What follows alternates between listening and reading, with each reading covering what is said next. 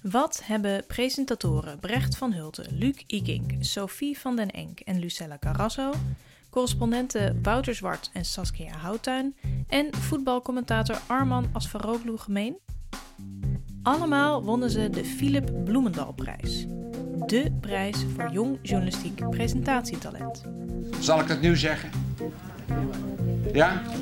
Brecht van Hulten. Het is mij een genoegen u te mogen bekendmaken dat de Philip Bloemendaalprijs voor het jaar 2004 is gewonnen door Lucella Carasso. De winnaar Wouter Zwart. Sophie van Eem. Arman Abzaroglu. Saskia Houttuin.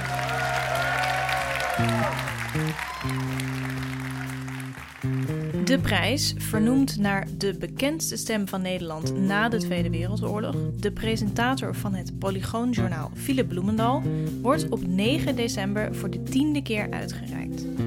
Mijn naam is Bloemendal. Ik redigeer dit journaal met de hulp van een aantal cameramensen... die er elke dag op uit blijven trekken...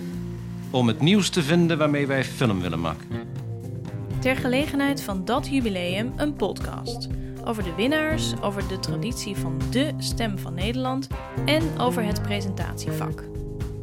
Vanaf 25 november te vinden in jouw favoriete podcast-app. Abonneer je nu.